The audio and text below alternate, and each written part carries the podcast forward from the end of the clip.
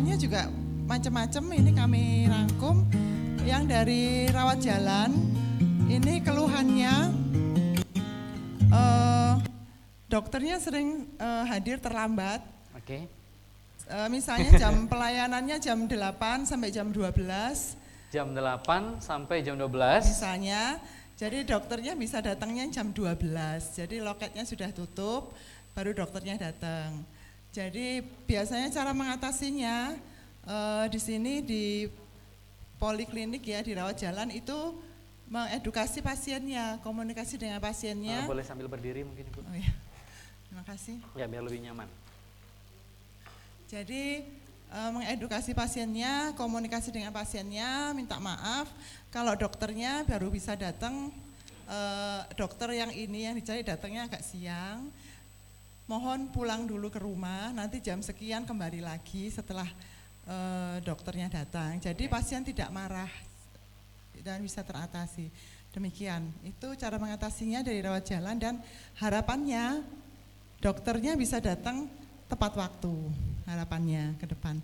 Terus ini dari UGD, dari UGD di sini masalah yang pernah dan sering didapatkan yaitu pasien dari UGD untuk masuk ke ruangan untuk bisa masuk ke rawat inap itu harus menunggu eh, dokter spesialis untuk meng-ACC eh, waktunya lama. Jadi pasiennya menunggu terlalu lama ACC dari spesialis untuk masuk ke ruangan.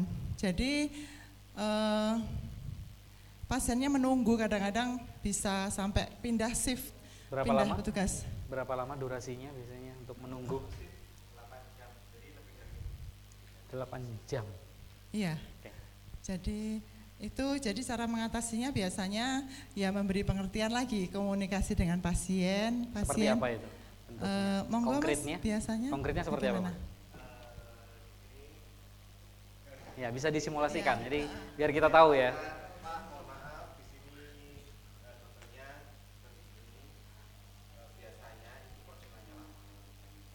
Biasanya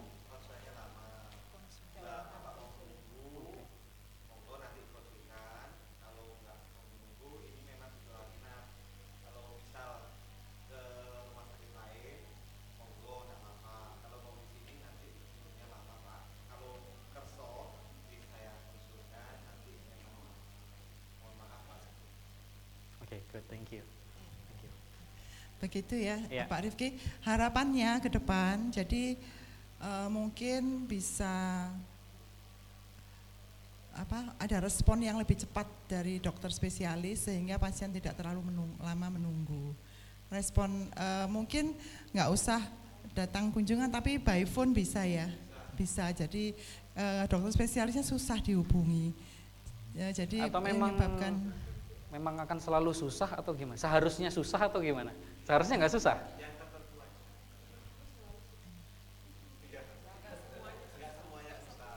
Hmm, karena tidak tidak ada ikatan atau gimana?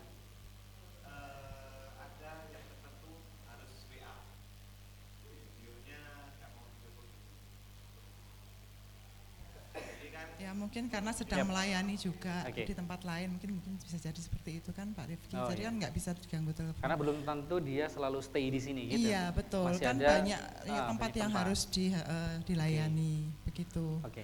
Heeh. Terus yang ketiga itu dari rawat inap.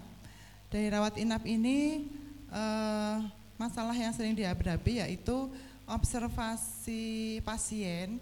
Kalau misalnya penuh, ini diarahkan ke ruangan. Jadi pasien-pasien yang perlu ditangani di ruang-ruangan itu, yang mestinya ruangan itu memang untuk penyakit dalam, bedah, eh, itu sendiri pasien itu sendiri terbengkalai karena harus mengurusin pasien yang observasi. Observasi itu kan butuh eh, lebih diperhatikan pasiennya. Jadi pasien yang eh, harusnya dilayani di ruangan itu jadi terbengkalai.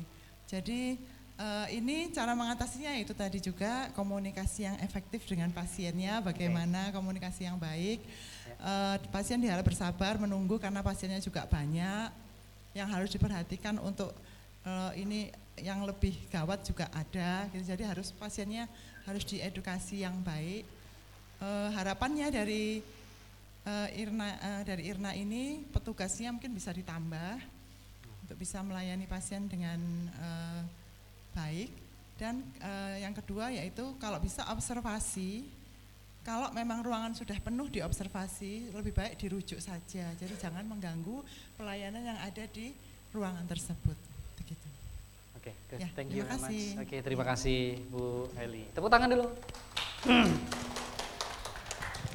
Nah, menarik ya. Jadi ini sudah hasil diskusi temuan-temuan dari tim di sini. Memang kembali yang paling pertama yang harus dilakukan pasti komunikasi. Tapi ya, bukan berarti nanti komunikasi semua akan menyelesaikan semuanya. Misalkan oke, saya akan referral atau saya akan menjanjikan sesuatu tapi di belakangnya Anda tidak bisa memberikan itu. Ya, itu jadi bumerang. Nah, itu yang harus nanti diperhatikan. Artinya kita bisa nanti kita akan belajar tentang bagaimana mengolah diksi, bagaimana mengolah komunikasi efektif yang baik, ya kan? Tapi kembali lagi harus ada proofnya di belakang. Jangan hanya oke secara tadi penyampaian sudah bagus, tapi oke mau nunggu j- 8 jam. Setelah ditunggu nggak ada lagi gimana? Karena sebenarnya memang tidak ada itu gitu. Nah itu yang harus nanti dirumuskan mungkin lebih dalam. Ya kurang lebih seperti itu. Nanti teknisnya kita bahas di eh, pertemuan setelah break, gitu ya. Nah untuk yang lainnya kita juga akan bahas semuanya setelah break. Jadi kurang tiga divisi ya, tiga unit. Nanti kita akan bahas setelah break. Untuk breaknya kita sampai jam 1 ya jam 1 nanti kita on time langsung balik lagi ke sini